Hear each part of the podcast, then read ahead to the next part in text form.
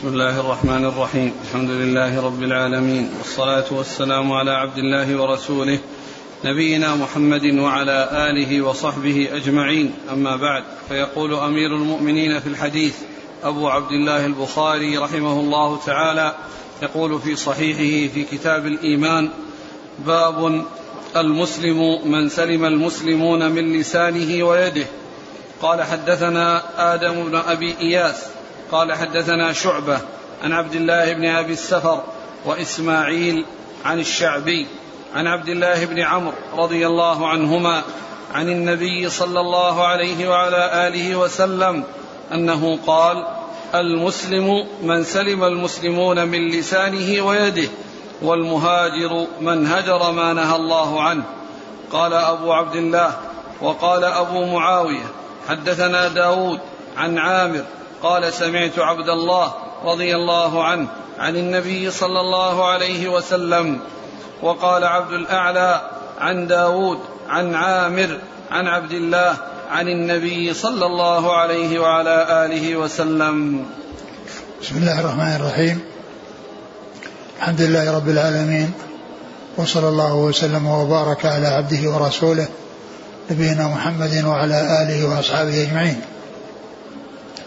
أما بعد يقول الإمام البخاري رحمه الله باب المسلم من سلم المسلمون من لسانه ويده.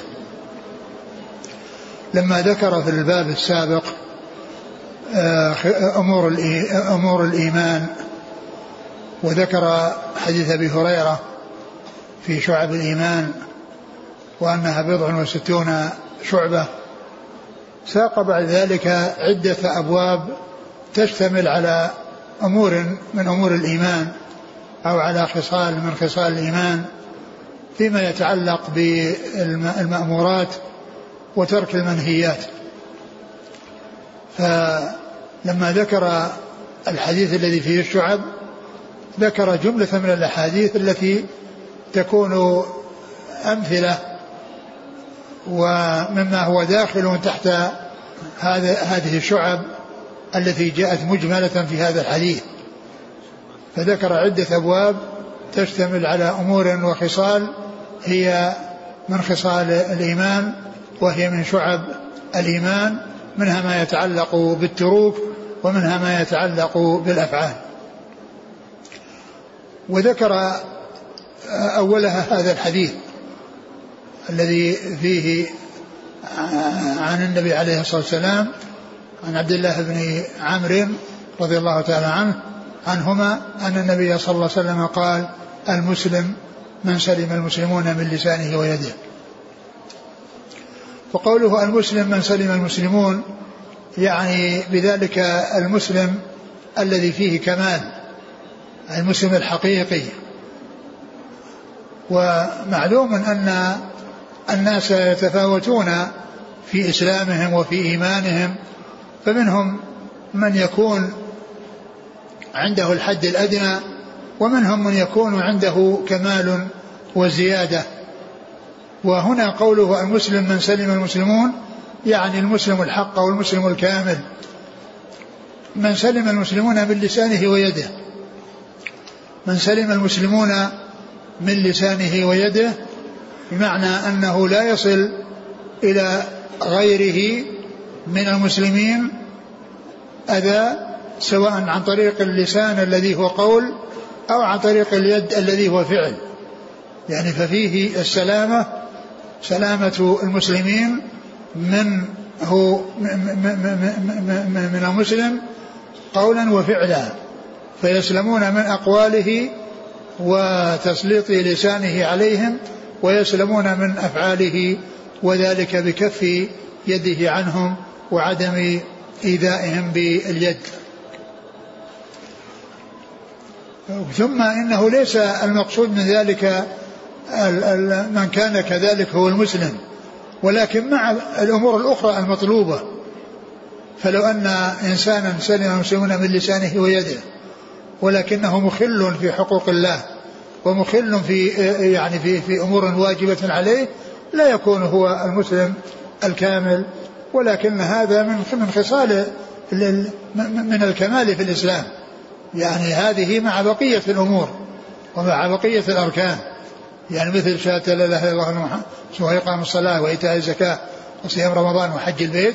يعني آه، مع مع اتيانه بهذه الأمور وبما هو مطلوب منه لله عز وجل وما هو مطلوب منه لغيره. وقوله المسلم من سلم المسلمون ليس المقصود من ذلك أن أن غير المسلمين يعني يصل إليه أذاهم بغير حق الأذى منه بغير حق فليس له أن يؤذي أحدا وليس له أن يلحق الضرر بأحد يعني آه، سواء كان مسلما أو غير مسلم.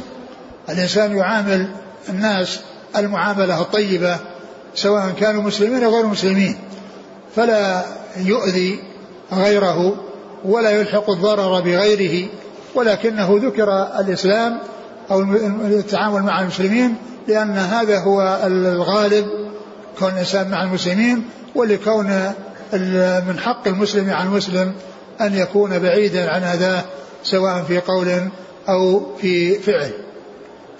وقوله من لسانه يعني كونه يغتابه أو يعني يسبه أو يشتمه أو يعني ينم يعني يمشي بالنميمة أو ب يعني قذفه أو أي شيء يتعلق بإيذائه عن طريق اللسان. أي شيء يتعلق بإيذائه عن طريق اللسان. والضرر باللسان عظيم لأنه يتعلق بيصل الأذى عن طريقه إلى السابقين وإلى الموجودين. وإلى من يأتي بعد ذلك فيكون ضرره عاما لأنه يتعلق بالماضي والحاضر والمستقبل لأنه يتعلق بالإيذاء والمسبة والكلام الذي لا ينبغي في حق الماضين وحق الحاضرين وحق من يأتي يعني بعد ذلك فيكون آه، ضرره عظيما وخطره جسيما. وهذا مثل من ينال من سلف هذه الأمة من الصحابة رضي الله عنهم وأرضاهم الذين مضى يعني عليهم يعني أكثر من ألف وثلاثمائة سنة يعني مضى ألف وأربعمائة سنة على يعني وواحد وثلاثين على هجرة الرسول صلى الله عليه وسلم فمن آه، تكلم في حق الصحابة أو في حق التابعين أو في حق سلف هذه الأمة في سب أو ذم أو عيب فإن فإنه فإن ضرر لسانه وخطر لسانه تعدى إلى أناس مضوا من, من بزمن طويل فلحقه فلحقهم أذاه وحصل منه الضرر آه، آه، لهم. وكذلك يعني من جاء بعدهم وكذلك من كان موجودا مسلمين فلا يؤذي الإنسان أحد بلسانه آه، لا في حق الحاضرين ولا الغائبين ولا من يأتي بعد ذلك. والحافظ بن حجر ذكر أن التعبير باللسان بدل القول آه، لأن فيه نكتة وفيه زيادة فائدة ما تحصل بالقول لو عبر بالقول. لو قال مسلم من سلم اللسان من قوله يعني التعبير باللسان يأتي بفائدة جديدة. قال مثل لو أن إنسانا أخرج لسانه يستهزي ما تكلم بشيء. ولكن أخرج لسانه للاستهزاء. فهذا مضر اللسان منظر اللسان وهو ضرر فعلي. من أفعال اللسان وليس من قول اللسان. فقال أن التعبير باللسان بدل التعبير بالقول فيه هذه الفائدة وهي أن أنه يدخل تحته مثل هذه الصورة ومثل هذه الحالة. التي لا تدخل فيما لو قال بقوله لكنه لما قال بلسانه دخل في ذلك النطق والكلام ودخل بذلك إخراج اللسان استهزاء إخراج اللسان استهزاء. وكلمة اليد التعبير باليد مثل التعبير باللسان أيضا ضرره عظيم لأن الكتابة يعني فيما يتعلق بالماضين والحاضرين ومن بعدهم وهي كتابة سيئة خطرها عظيم وضررها كبير لأن الكتابة تبقى وقد يموت الإنسان ويموت الإنسان وتبقى كتابته بعده فإذا كتب سوءا بقي ذلك السوء وصار ذلك الضرر يعني يطلع عليه من يطلع عليه وقد يفتتن به من يفتتن به فيكون بذلك آه، ألحق الضرر بنفسه وألحق الضرر بغيره فيأثم ويكون عليهم مثل آثام من تضرر به. لأنه آه، آه، لحقه الضرر بكونه اطلع على كتابة يعني ذلك الكاتب الذي قد كتب فيكون بذلك ألحق الضرر بنفسه وألحق الضرر بغيره ويكون عليه آثامه ومثل آثام من تضرر بسببه لقوله صلى الله عليه وسلم من دعا إلى هدى كان له من الأجر مثل أجر من تبعه لا ينقص ذلك من أجورهم شيئا ومن دعا إلى ضلالة كان عليه من الإثم مثل آثام من تبعه لا ينقص ذلك من آثامهم شيئا لا ينقص ذلك من آثامهم شيئا. ويقول الشاعر كتبت وقد أيقنت يوم كتابتي بأن يدي تفنى ويبقى كتابها. كتبت وقد أيقنت يوم كتابتي بأن يدي تفنى ويبقى كتابها. فإن عملت خيرا ستجزى بمثله وإن عملت شرا علي حسابها. وإن عملت شرا علي حسابها. فالكتابة تبقى بعد الإنسان. ويتضرر بها من يتضرر ويحصل آه، آه، الضرر لهذا الإنسان الذي كتب هذه الكتابة التي لحق الضرر بغيره ممن اطلع عليها فيأثم بوقوعه في هذا الذي آه، جاءت فيه الكتابة فيكون بذلك آثما ويكون من دله على ذلك ومن كان سببا في ذلك له مثل آثامه كما جاء ذلك عن رسول الله صلى الله عليه وسلم في الحديث الذي أشرت إليه هو حديث أبي هريرة رضي الله عنه في صحيح مسلم. المسلم من سلم المسلمون من لسانه ويده. ثم أيضا هذا فيه الاشتقاق والجناس بالاشتقاق. المسلم من سلم وهو من جنس أسلم تسلم الذي مرت بنا في حديث رقل أسلم تسلم. وهنا المسلم من سلم المسلم من سلم المسلمون من لسانه ويده. ثم قال والمهاجر من هجر ما نهى الله ورسوله عنه. المهاجر الهجر هو الترك وترك المعاصي وترك الذنوب وترك الآثام. هذا هو هذا هو الهجر الصحيح وهذا هو الذي فيه الأجر وفيه الثواب. ويدخل في ذلك ترك بلاد الكفار إلى بلاد المسلمين من أجل الابتعاد عن آه، آه، الضرر والابتعاد عن الشر وكونه يكون بين المسلمين آه، يكون يعمل الخير ويكون عونا على غيره بالخير ويكون يتمكن من الأعمال الصالحة التي يتقرب بها إلى الله عز وجل والتي ترفعه وتنفعه عند الله سبحانه وتعالى.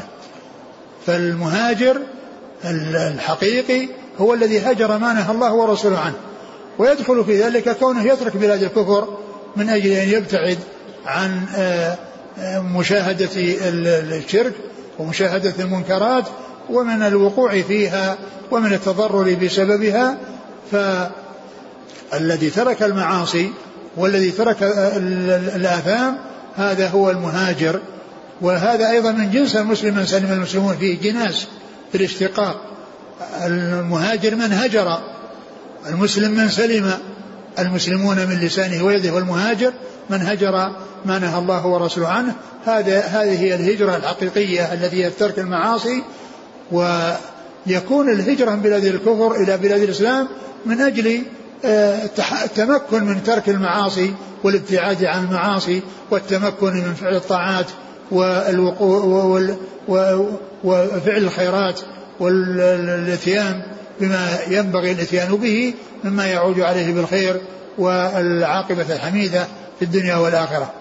قال عليه الصلاة والسلام المسلم من سلم المسلمون من لسانه ويده والمهاجر من هجر ما نهى الله ورسوله عنه.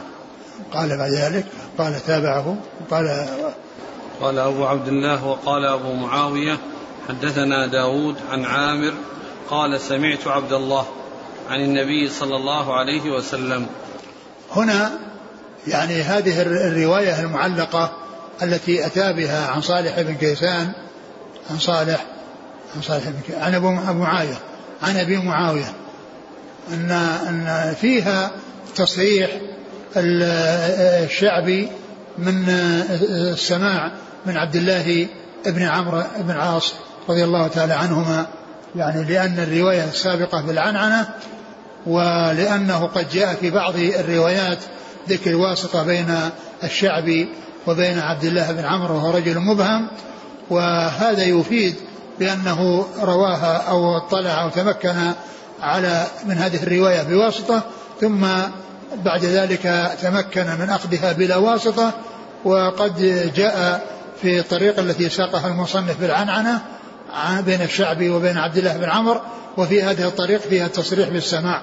وفي هذه الطريقة الثانية فيها التصريح بالسماع وأن الذي آآ آآ وأن يعني هذا الذي قد يعني يفهم منه في بعض الروايات أن فيه واسطة أن تلك الواسطة زالت بكونه قد سمع وأنه ليس هناك واسطة بينه وبينه فيكون ما حصل أو ما جاء في بعض الروايات من وجود الواسطة أنه حصله أولا بواسطة وأبهم تلك الواسطة ثم إنه تمكن من سماعه من عبد الله بن بن عمرو رضي الله عنه فلم يكن هناك واسطة بينه وبينه لحصول التصريح بالسماع. ثم طريق ذكر الطريقة الثانية وهي من طريق عبد الأعلى وهي مثل السابقة هي كلها بالعنعنة. هي مثل السابقة كلها بالعنعنة وأما الطريقة الأولى المعلقة فهي التي فيها التصريح بالسماع بين الشعبي وبين عبد الله بن عمرو العاص رضي الله عنه. الإسناد؟ حدثنا آدم بن أبي إياس. نعم. ها. قال حدثنا شعبة. نعم. عن عبد الله بن أبي السفر. نعم. وإسماعيل. نعم. عن الشعبي. نعم الشعبي هو عامر. عامر بن شراحيل الشعبي. نعم. إسماعيل. إسماعيل هو. إيش الإسناد؟ قال حدثنا آدم بن أبي إياس. قال حدثنا شعبة عن عبد الله بن أبي السفر وإسماعيل عن الشعبي. يعني شيخ شعبة يعني شيخ شعبة له شيخان اللي هو ابن أبي السفر وإسماعيل وكلهم يروون عن الشعبي. ما أتذكر من هو إسماعيل هذا. نعم. ونسخة اسمه ابن خالد ولا نعم. إسماعيل بن أبي خالد. نعم. نعم. عن الشعبي. هو الذي هو الذي يروي عن التابعين. وكثير رواية عن قيس بن أبي حازم المخضرم الذي قيل إنه روى عن العشرة المبشرين بالجنة. يعني كان إسماعيل بن أبي خالد يكثر الرواية عنه. والإمام مسلم رحمه الله لما ذكر في صحيحه طبقات المحدثين أو الرواة الذين آه، هم في القمة في في في في, في, الثقة والتثبت.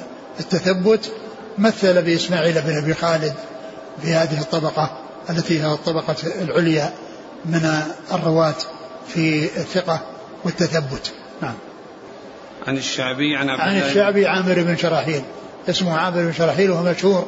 بهذه النسبة وعبد الله بن عمرو بن العاص رضي الله تعالى عنهما صحابي بن صحابي وهو أحد العبادلة الأربعة من الصحابة و آه، آه، وهو هو أحد العبادلة الأربعة من الصحابة رضي الله تعالى عنه وأرضاه. نعم. قال أبو عبد الله وقال أبو معاوية حدثنا داود عن عامر. أبو معاوية هو محمد بن خازم الضرير. وداود هو بن أبي هند وعامر هو الشعبي لأنه ذكر هنا ذكره باسمه وفي الإسناد الأول ذكره ب ب بنسبته التي هي الشعبي. قال عن عامر عن داود عن عامر. نعم. نعم. عن عبد قال, الله. قال سمعت عبد الله. قال سمعت عبد الله. فذكر ذكره باسمه وذكره بنسبته وهذا من من فائدة معرفته ألا يظن الواحد الشخص الواحد شخصين. إذا ذكر بالاسم أو ذكر بالنسبة فقد يظن الشعبي شخص وأن عامر شخص آخر ولكن الشعبي هو عامر وعامر هو الشعبي فهو شخص واحد وليس شخصين. نعم. آه وقال عبد الأعلى عبد الأعلى ابن عبد الأعلى. نعم عن؟ عن داود نعم. عن عامر نعم. عن عبد الله عن النبي صلى الله عليه وسلم. نعم. كله بالعنعنة لما أورده؟ ابن الحافظ بن حجر ذكر كأنه في قال فيه شوف شوف كلام الحافظ. معناته النسخة اللي يشتغل عليها غير نسخته هذا هو. يعني يبدو أن أن النسخة التي شرح. ها؟ وغير نسخة أبي ذر. أي غير غير التي شرح عليه. الآن المشهور أنه الحافظ أنها أبي ذر. نعم. نعم وحتى نسخة أبي ذر ما في هذا الكلام اللي يقوله. أي نعم. لأنه يقول هنا والتعليق ونبه بالتعليق الآخر على أن عبد الله الذي أهمل في روايته هو عبد الله بن عمرو. الذي عند الرواية السابقة فيها عبد الله بن عمرو. وهنا الرواية ما فيها النسبة. نعم. هذه الرواية ليس فيها نسبة. وتلك الرواية فيها نسبة. نعم. التي هي الأولى. نعم. نعم. آه كذلك قال قبله تنبيه هذا الحديث من أفراد البخاري عن مسلم بخلاف جميع ما تقدم من الأحاديث المرفوعة. نعم. يعني هذا الحديث أول الأحاديث التي انفرد بها البخاري عن مسلم. والحديث الذي قبله هو أحد الأحاديث التي لم تتكرر في صحيح البخاري. لم تتكرر في ليس له أطراف. حديث شعب الإيمان جاء في موضع واحد وليس له أطراف. فهو أول حديث ليس له أطراف الحديث الذي مر وهذا الحديث أول حديث انفرد به عن مسلم. نعم. قال رحمه الله تعالى باب أي الإسلام أفضل؟ قال حدثنا سعيد بن يحيى بن سعيد القرشي قال حدثنا أبي قال حدثنا أبو بردة بن عبد الله بن أبي بردة عن أبي بردة عن أبي موسى رضي الله عنه أنه قال قالوا يا رسول الله أي الإسلام أفضل؟ قال من سلم المسلمون من لسانه ويده. ثم ذكر حديث أبي موسى باب. باب باب أي الإسلام أفضل. باب أي الإسلام أفضل. يعني فذكر حديث أبي موسى وهو مثل حديث عبد الله بن عمرو. يعني في قسمه جزءه الأول. المسلم من سلم المسلمون من لسانه ويده. المسلم من سلم المسلمون من لسانه ويده.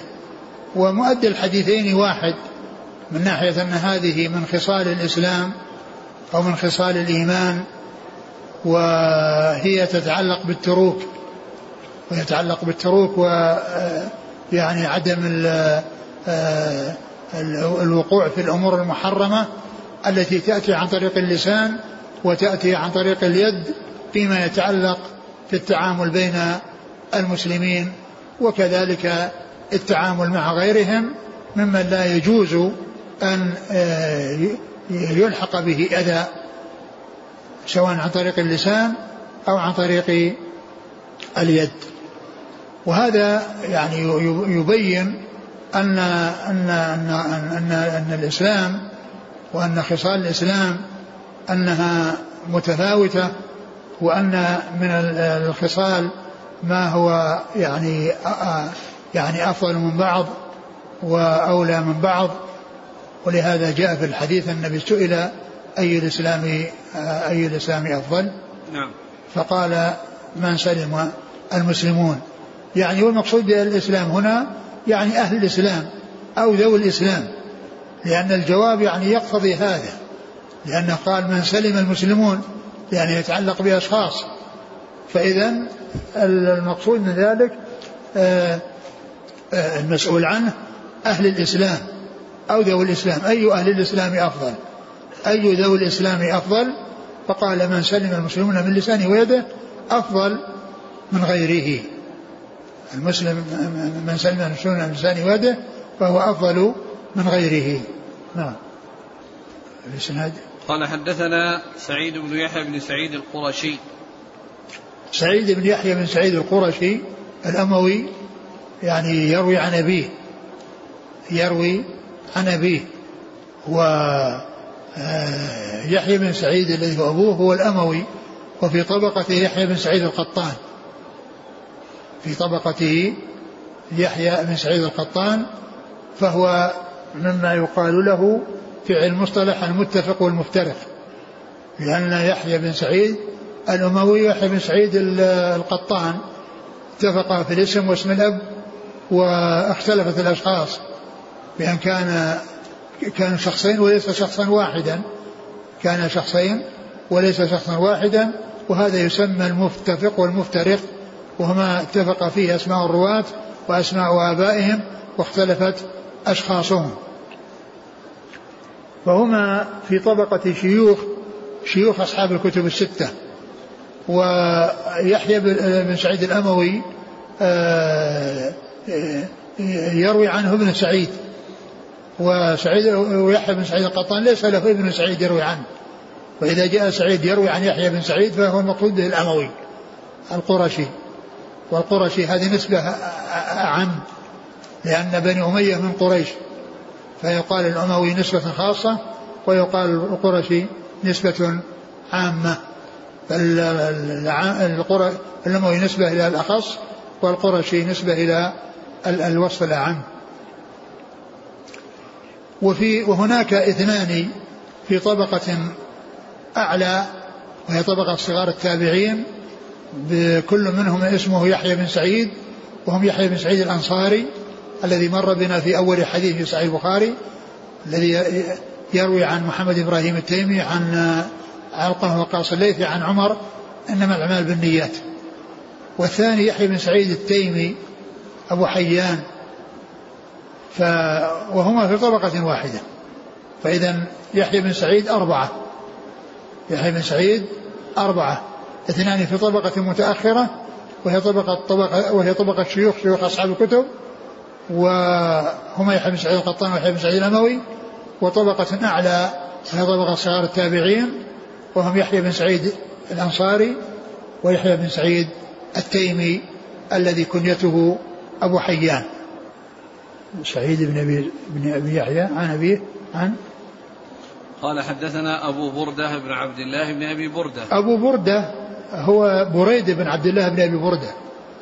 يعني كنيته تطابق تطابق اسم جده أو كنية جده لأن جده مشهور بأبو بردة. وأما هو فكنيته أبو بردة واسمه بريد. وهو يروي عن جده يروي عن جده أبي بردة وجده أبو بردة يروي عن أبيه أبي موسى الأشعري. فهي, فهي رواية يعني حفيد عن جد ورواية ابن عن أب. ابن عن أب أبو بردة عن أبي موسى وحفيد عن جد الذي هو بريد بن عبد الله بن أبي بردة. يروي عن جده أبي بردة. نعم. عن أبي بردة. نعم. أبو بردة بن أبي موسى الأشعري. عن أبي موسى. أبو موسى عبد الله بن قيس الأشعري رضي الله عنه مشهور بكنيته ونسبته وهو عبد الله بن قيس. لطيفة الإسناد. وش الإسناد؟ إيش؟ سعيد سعيد بن؟ بن يحيى بن سعيد القرش عن آه. أبيه عن أبي بردة عن عن هذا كوفيون نعم. نعم مسلسل بالكوفيين. قال رحمه الله تعالى باب إطعام الطعام من الإسلام. قال حدثنا عمرو بن خالد قال حدثنا الليث عن يزيد عن أبي الخير عن عبد الله بن عمرو رضي الله عنهما أن رجلا سأل النبي صلى الله عليه وسلم أي الإسلام خير؟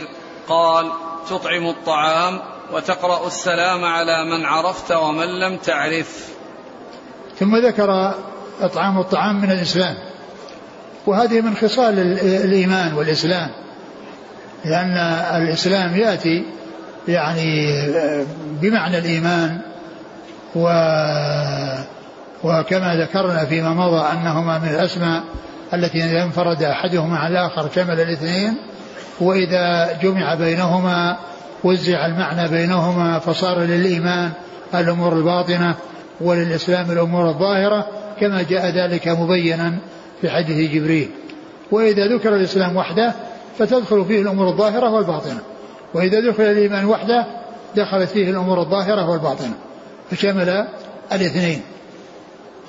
وهنا آه، لما ذكر في حديث أبي موسى وحديث عبد الله بن عمرو آه، آه، يعني شيء من خصال أهل الإسلام وهي سلامة المسلمين من ألسنتهم وأيديهم وأن هذه من من مما يدخل تحت شعب الإيمان ذكر يعني هذه الترجمة وهي إطعام الطعام من الإسلام وهي تتعلق بالأفعال. لأن الترجمتين السابقتين تتعلق بالتروك وهي السلامة ترك الإيذاء والسلامة من اللسان واليد. وأما هذه تتعلق بالأفعال وهي من الأمور المستحبة والأمور المطلوبة التي من الإحسان. وتلك واجبة. التي هي ترك الأذى باللسان واليد هذه من الأمور الواجبة. يعني يجب على الإنسان أنه لا يؤذي أحدا ويحرم عليه أن يؤذي أحدا بلسانه أو أو يده بلسانه أو يده.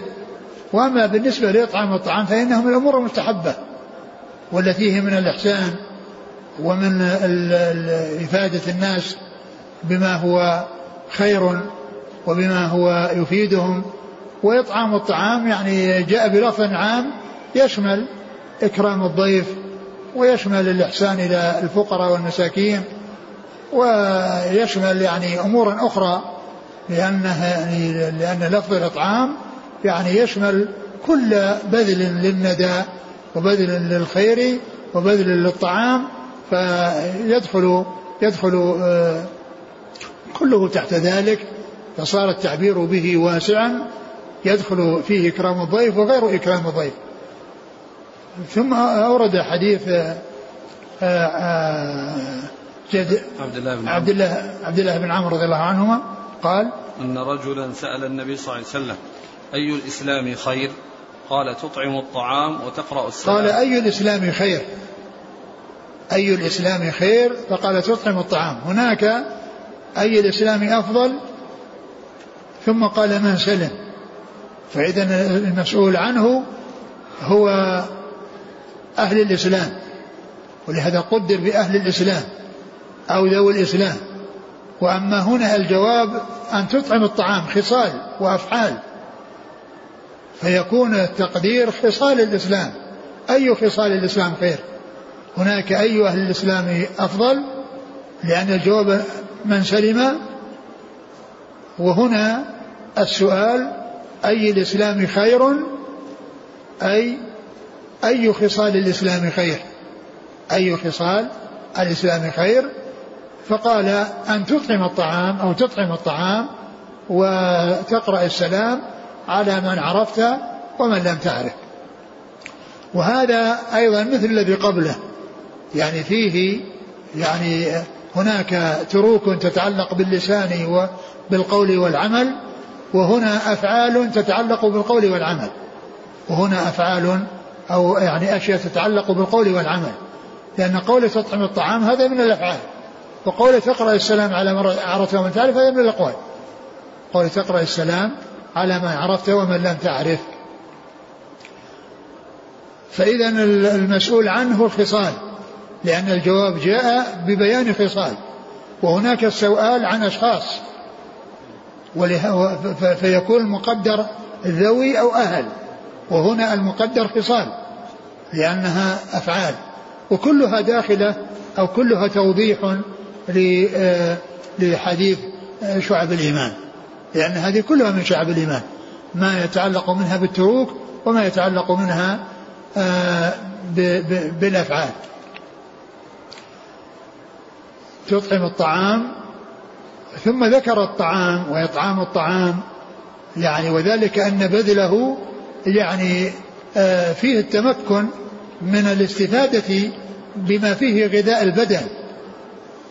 يعني بخلاف النقود الإنسان يعطي نقودا لكن آه قد تكون النقود بيده لكن لا يجد شيئا يأكله. ولهذا جاءت الكفارات وجاءت يعني زكاة الفطر يعني كلها تتعلق بطعام.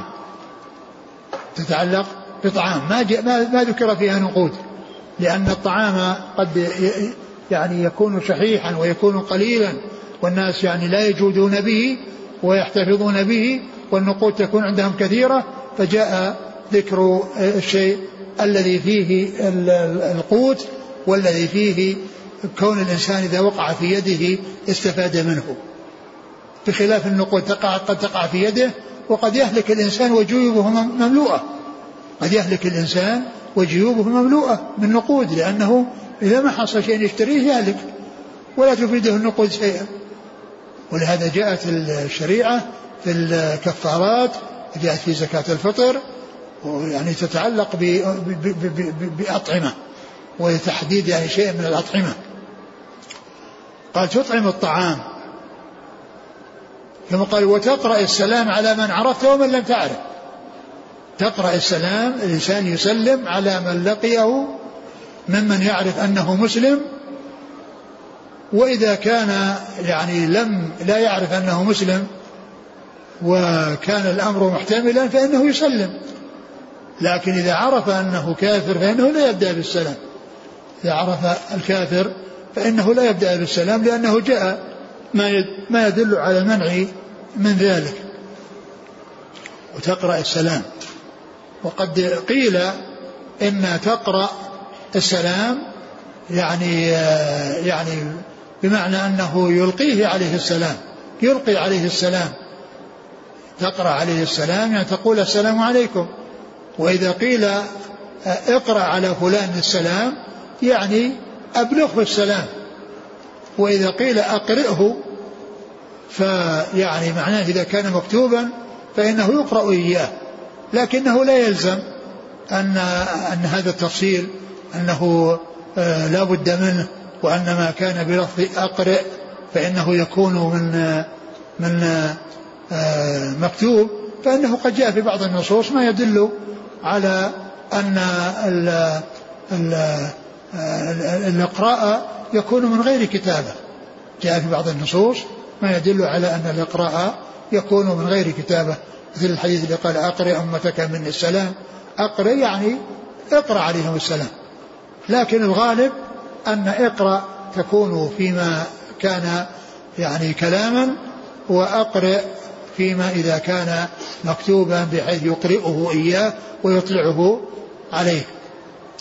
ثم في هذه الخصلة التي هي إقراء السلام يعني فيها الإيناس والاستئناس وكون الإنسان يأنس بأخيه وكونه عندما يلقاه كل واحد منهم يدعو للآخر كل واحد منهم يدعو للآخر بالسلامة والرحمة والبركة. ف ثم أيضا لا يكون خاصا بالمعرفة يعني إذا كان إنسان عرف الإنسان يسلم عليه وإذا كان ما يعرف لا يسلم عليه يسلم على كل مسلم. يسلم على كل مسلم ولا يخص ذلك بمعارفه وبالناس الذين يعرفهم. بل من كان يعني يغلب على ظنه أنه مسلم أو كان في بلاد المسلمين فإنه يسلم. وإذا عرف أن الذي لقيه كافر فإنه لا يبدأه بالسلام كما جاء النهي في ذلك عن رسول الله صلى الله عليه وسلم. نعم. قال حدثنا عمرو بن خالد نعم. عمرو بن خالد نعم عن من؟ عن الليث. الليث بن سعد عن عن يزيد, بن أبي حبيب و... و... وكلهم مصريون. عن عن أبي الخير أبي الخير وهو مرثد بن عبد الله اليزني وهو مصري وعبد الله بن عمرو سكن مصر فالإسناد مسلسل بالمصريين. والذي قبله مسلسل بالكوفيين والذي سيأتي بعده مسلسل بالبصريين. فرجال الإسناد من أولهم إلى آخرهم الذي مضى آه، كوفيون وفي هذا الإسناد كلهم مصريون. إن وقع في نسخة الفتح بالباء. ويش؟ بصري ها؟ لا لا يعني خطأ. لولا هذا في الإسناد هذا هذا من هذا الإسناد كله بصري لا لا مصريون لأن التصحيف بين. مصر والبصرة يعني يعني يحصل يحصل التصحيح بين المصريين والبصريين للتقارب الذي بين بين الرسم هنا قال عن عبد الله بن عمرو أن رجلا سأل النبي صلى الله عليه وسلم أي الإسلام خير؟ نعم هذا الرجل يعني قال الحافظ أنه لم يطلع على اسمه وقيل يعني وذكر أنه قيل فيه قولان أحدهما أنه شريح يعني أنه أنه هان والد شريح والثاني قال أنه أبو ذر. لكن هذا من المبهمات هذا اللي إذا قيل رجل فهو مبهم. وبالنسبة لل... لكونه يأتي في المتن وأنه سأل الرسول صلى الله عليه وسلم لا يترتب عليه شيء. لا يترتب عليه معرفته أو عدم معرفته. فالحكم آه ثابت بكونه ثبت عن رسول الله صلى الله عليه وسلم وسواء عرف السائل أو لم يعرف. سواء عرف السائل أو لم يعرف لأن المهم حكم الرسول صلى الله عليه وسلم. وسواء عرف السائل أو لم يعرف. وأما إذا جاء في الإسناد فإن الرجل ذكر الرجل هذا مبهم. مبهم. يعني قد يعني لو عرف قد يكون ثقة وقد يكون ضعيفا. فهو يعني إذا جاء مبهما يعني في الإسناد يعني يدل يفيد عدم صحته. إذا كان ما جاء إلا من هذا الطريق. لأن المبهم قد يعني يكون ثقة وقد يكون ضعيفا. نعم. قال رحمه الله تعالى باب من الإيمان أن يحب لأخيه ما يحب لنفسه. والله تعالى أعلم وصلى الله وسلم وبارك على عبده ورسوله نبينا محمد وعلى آله وأصحابه أجمعين. جزاكم الله خيرا وبارك الله فيكم والهمكم الله الصواب ووفقكم للحق. نفعنا الله بما سمعنا وغفر الله لنا ولكم وللمسلمين أجمعين. آمين. ورجال الإسناد هذا أخرج لهم أصحاب الكتب كلهم إلا عمرو بن خالد فإنه لم يخرج إلا البخاري وابن ماجه. والليث بن سعد ويزيد بن أبي حبيب ومرثد وابن عبد الله اليزني كل هؤلاء محدثون فقهاء. و وكل منهم وصف بأنه مفتي مصر في زمانه. وصف بأنه مفتي مصر في زمانه. يقول أحسن الله إليك جاري لا يصلي الصلوات الخمس في المسجد ولا أدري هل يصلي في البيت أم لا فهل أسلم عليه؟ نعم إذا كنت لم تعرف أنه لا يصلي فأنت تسلم عليه ولكن أهم من هذا أنك تنصحه وتسعى إلى يعني مجيئه المسجد وحضوره المسجد و يعني يجتهد في هدايته. وهذا من أعظم حقوق الجار على الجار. من أعظم حقوق الجار على الجار أنه يعني ينصحه ويكون سببا في هدايته إذا كان عنده شيء من الخلل والتقصير. يقول هل يجوز أن ألقي على الكافر تحية غير السلام مثل مرحبا أو أهلا بك؟ ما ينبغي الإنسان يبدأ بالسلام. لا ينبغي الإنسان يبدأ لكن إذا تكلم معه أو يعني يعني جرى يعني كلام فيما بينهم وذاك حصل منه يعني شيء يعني آه، من التحية وقابله ب يعني شيء آخر يماثله ما ما في بأس.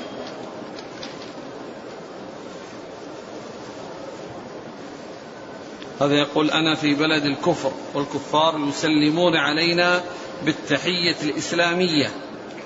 رد عليه؟ نرد رد, عليه؟ رد عليه. بماذا يقول؟ كيف نرد عليه؟ يقول وعليكم. يقول هل أسلم على المصلي؟ نعم يسلم على المصلي. والمصلي يرد بالإشارة لكن لا يسلم التسليم الذي يشوش على الناس.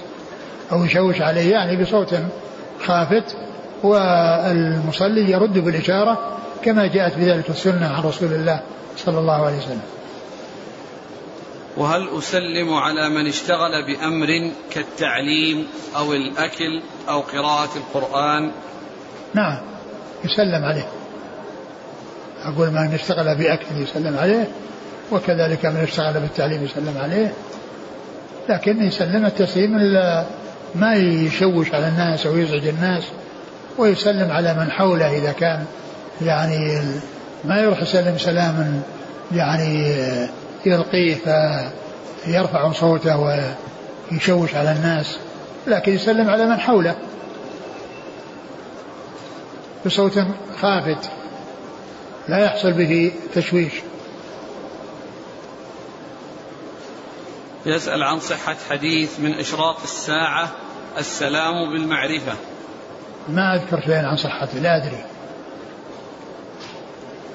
يقول ما حكم الهجرة من بلاد الكفر في هذا الزمان؟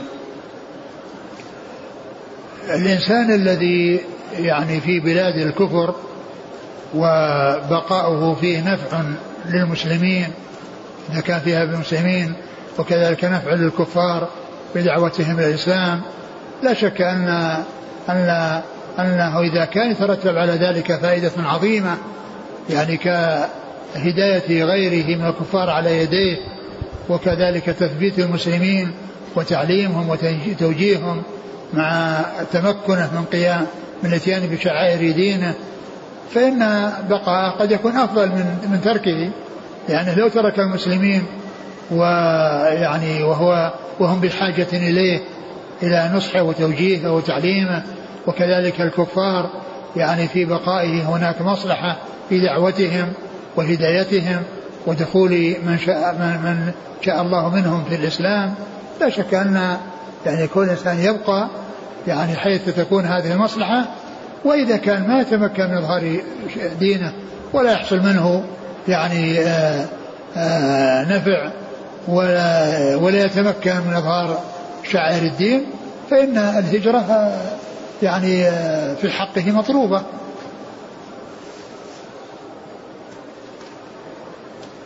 يقول بينوا لنا كيفية رد السلام بالنسبة للمصلي بالإشارة.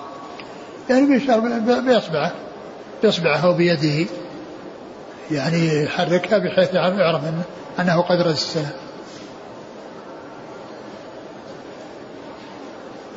على من عرفت ومن لم تعرف. يقول هل يدخل فيه السلام على المرأة؟ لا النساء يعني يكون الإنسان يسلم على المرأة ويخاطبها ويحادثها يعني يمر بالشارع ثم يسلم على النساء لأن هذا السلام يؤدي إلى المخاطبة لكنه لو أنه يعني فتح السماعة ورد عليها امرأة يقول السلام عليكم. يقول السلام عليكم وتقول عليه السلام. وفلان موجود نعم لا مو موجود. ما في حديث وأخذ ورد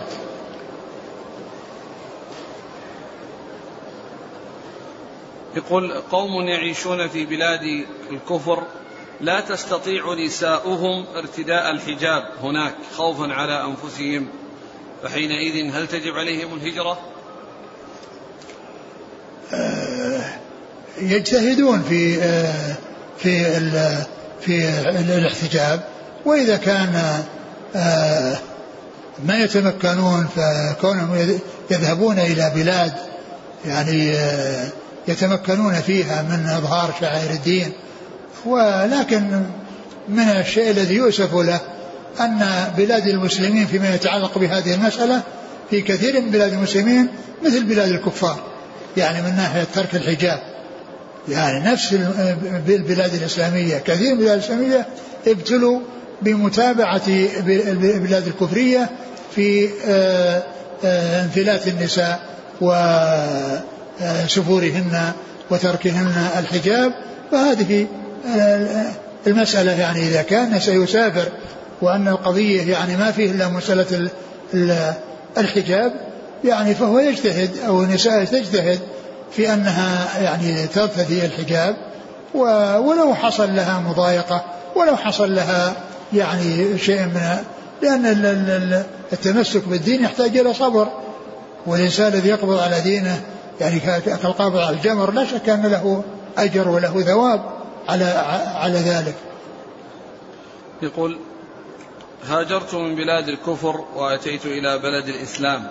فهل يجوز لي أن أرجع إلى بلاد الكفر للتجارة أو العمل لمدة شهر أو شهرين؟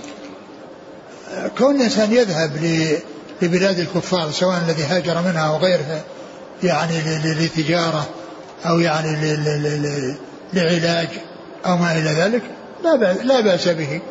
لكن إذا استغنى عن السفر وأن التجار أمكن بأن يكون في غير تلك البلاد الكفرية لا شك أن هذا هو الذي ينبغي الإنسان أن يفعله. يقول شخص يحج عن غيره بالنيابة وكان الحج تمتعا أعطوه تكاليف الحج مع سعر الذبيحة الهدي والحاج لم يذبح ولكن صام بدلا عن الذبح. يحتج بأنه محتاج إلى المال فلذلك صام. ليس, ليس له ذلك. إذا كانوا أعطوه يعني قيمة الهدي أعطوه قيمة الهدي يعني فهو يحقق الشيء الذي يحقق الشيء الذي طلبوه. ما دام أنهم يتكفلوا بهذا وأعطوه إياه من أجل الهدي فعليه ان يؤدي الشيء الذي طلب منه.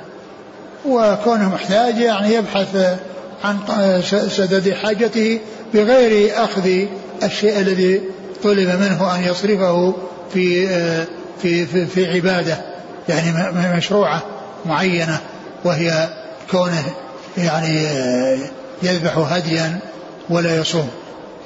هذا يسأل عن من ترك واجب من واجبات العمرة فالمشهور أن عليه دم وإن لم يستطع يصوم عشرة أيام. يقول هل على هذا دليل صريح في هذه المسألة؟ ما فيه إلا كلام ابن عباس الذي جاء ابن عباس رضي الله عنه من ترك نسكا فعليه دم. من ترك نسكا فعليه دم. فكل واجب يتركه الإنسان فإنه يكون عليه دم لهذا الأثر الذي جاء ابن عباس رضي الله تعالى عنهما. يقول شخص معاق إعاقة جسدية يركب على كرسي متحرك لا يتحكم في تبوله فكيف يكون وضوءه؟ وهل يلزمه الوضوء أو ينتقل إلى التيمم؟ آه آه على الإنسان الذي يعني به سلس بول يعني سواء كان يعني معاق أو غير معاق أنه يعني يتوضأ لدخول الوقت. يتوضأ لدخول الوقت ولا يضره بعد ذلك ما يحصل له من من خروج البول. نعم. وضوء أو تيمم؟ لا الوضوء يتوضأ إذا كان قادر على الوضوء أو وجد من يوضئه وإذا لم يستطع يتيمم. يقول هل مجرد ترك أذية المسلمين يؤجر عليه عليها المسلم دون استحضار نية قصد امتثال أمر الله ورسوله في الكف عن أذية المسلمين يعني هل مجرد الترك يؤجر عليه أو لا بد من نية تتعلق بقصد الترك؟ معلوم أن أن أن الإنسان يؤجر على نيته والأعمال بالنيات فإذا كان أنها الترك يعني حصل ما فيه استشعار أنه يرجو ثواب الله ويخشى عقاب الله يعني معنى ذلك أنه ما فعل قربة. ما فعل قربة. يعني آه، فكونه يعني يؤجر يعني كونه يستشعر يعني هذا الشيء الذي هو كونه ترك ذلك حتى لا يلحقه ضرر وحتى لا يحصل له أذى وحتى يحصل له أجر من الله سبحانه وتعالى. يقول هل يجوز الإيثار في الطاعات؟ ليس للإنسان أن يؤثر الطاعات بمعنى أنه يكون في الصف الأول ثم يقوم ويجعل واحد مكانه. بل التسابق إلى الخير والمنافسة في الخير هو الذي جاء ولهذا قال لا يعلم الناس ما في النداء الصف الأول ثم لم يجدوا إلا أن يستهموا عليه ليستهموا عليه. يعني يتنافسون. يعني في الوصول إلى هذا ولو عن طريق أن القرعة هي التي تميز بينهم. يقول وهل ذكر شيء من هذا من هذا عن الصحابة؟ في قضية الإيثار في الأمور لا التعبدية. لا, لا أذكر. لا أدري. والقاعدة في جميع الطاعات أنه لا إيثار في القرب أم يفرق بين طاعة وطاعة. لا أذكر شيئا فيما يتعلق بالإيثار بشيء من القرب والأصل هو عدم الإيثار في القرب. يقول أحسن الله إليك كيف أتوب من الغيبة؟ كيف؟ أتوب من الغيبة. تتوب من الغيبة بأنك تحفظ لسانك والذي قد حصل منك فيما مضى آه، تقلع عنه وتندم على ما حصل وتعزم في المستقبل على أن لا تعود. وإذا كان آه، ذكرك أو طلبك التحلل آه، ممن اغتبته لا يترتب عليه ضرر أكبر فافعل. وإذا كان ذكرك لغيرك ممن اغتبته وطلبت منه مسامحة يترتب عليه مضرة فإن فإن عليك أن تثني على هذا الشخص الذي اغتبته في آه، وتستغفر له وتدعو له. ولعل الله عز وجل أن آه، آه، يخلصك من تبعة ذلك ومن مغبة ذلك. يقول فضيلة الشيخ بقائي في بلدي فيه خير ومصلحة من حيث تعليم الناس ونصحهم ولكني أبو البنات والحكومة تجبر البنات بالاختلاط في الدراسة ولا يوجد غيرها. وإن أبيت فالقوانين تأمر بسحب البنات مني. إذا كان يعني ما وجدت سبيل للدراسة بدون اختلاط وسافرت إلى بلد تسلم فيه من الاختلاط وتيسر ذلك لك فافعل لأن بقائك مع الاختلاط اختلاط البنات هذا ضرر كبير وخطر عظيم ولكن إن تيسر لك وجود الدراسة في بلدك أو في هذا البلد بدون اختلاط افعل. يقول فضيلة الشيخ أنا رجل كهربائي وعرض علي في بلدي عمل في المحكمة العليا فلا أشتغل في هذا العمل علما بأنها تحكم بغير حكم الله. كون الإنسان يعني يشتغل مع أناس يعني يعني يقعون في أمور محرمة لا سيما الحكم بغير ما أنزل الله. لا شك الإنسان يبتعد عنهم وعن مرافقتهم ومصاحبتهم ويبحث عن الرزق في مكان لا شبهة فيه ولا محذور فيه. يقول هل الحج عن نفسي تطوعا أفضل أم أحج عن غيري؟ الحج كونك تتطوع وتكثر من التطوع لك لا شك أن هذا خير. وفي نفس الوقت تدعو لمن تريد آه، الإحسان إليه في حجك. ولا شك أن كونك تطوع لنفسك يعني هذا هو الأولى. وغيرك تنفعه بالدعاء بالدعاء له. يقول وإذا كان هذا الذي سيعج عنه ميت ولا أعرف حاله هل كان يصلي أو لا؟ فهل أحج عنه؟ إذا كان إذا كان معروف أن هذا شخص بأنه لا يصلي لا يجوز. وأما إذا كان مجهول ولا يعرف يعني شيء بخلاف هذا وهو مسلم وهو من المسلمين فالأصل هو الإسلام. حتى يأتي شيء يعني يدل على خلافه.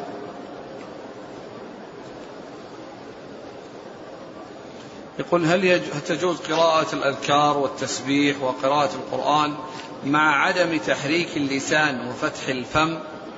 لا هذا ما في قراءة ما في ذكر. الذكر والقراءة تكون بتحريك اللسان والشفتين. بتحريك اللسان والشفتين.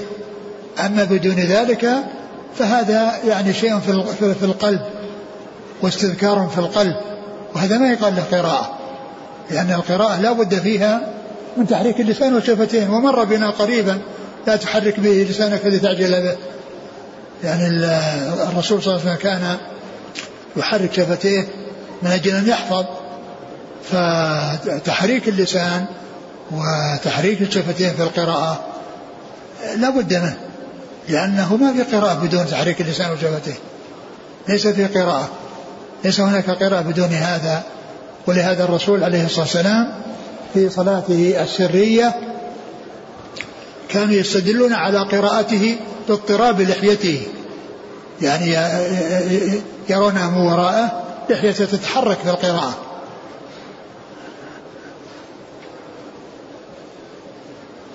يقول من اعتمر متمتعا ثم رجع إلى مدينة إقامته. ينقطع تمتعه من اعتمر وذهب إلى بلاد رجع إلى بلاده. أو المكان الذي هو مقيم فيه فإنه ينقطع التمتع. وإذا أراد أن يحج متمتعا فعند سفرته للحج يأتي بعمرة عمرة التمتع. هو أحسن الله إليك يطلب الدليل على هذا الترجيح. الدليل على هذا أن أنه يعني آه، جاء عن بعض الصحابة ما يدل على ذلك ثم أيضا يعني كون الإنسان يعني آه، سافر للحج سافر يعني سفرة يعني واحد لأن لأن التمتع هو يعني لأنه يعني يأتي من سكين بسفر واحد. وهذا ما أتى بنسكين بسفر واحد أتى بنسكين بسفرين. لأن التمتع والإتيان بنسك واحد بنسكين بسفر واحد. يعني القران نسكين بسفر واحد لكن مقترنان وعليه هدي والتمتع كل ما هو مستقل ولكنه بسفر واحد. وهو إذا رجع إلى بلده معنى ذلك أنه ما حصل ما في سفر واحد حصل به هذا وهذا. يقول قرأت في بعض الكتب أنه يجوز للجنب أن يقرأ بعض آيات القرآن. فما صحة هذا القول؟ ليس للجنب أن يقرأ شيء من القرآن لأن هذا يتعلق ب بالسلامة من الجنابة بيده. يغتسل ويقرأ بخلاف الحائض فإن التخلص من الحيض ليس بيدها. فلها أن تقرأ القرآن يعني من حفظها. ولكن الجنب التخلص من الجنابة بيده ما عليه إلا أن يغتسل إذا كان موجودا أو يتيمم إذا أو يتيمم إذا كان الماء غير موجود. جزاكم الله خيرا. سبحانك الله وبحمدك أشهد أن لا إله إلا أنت.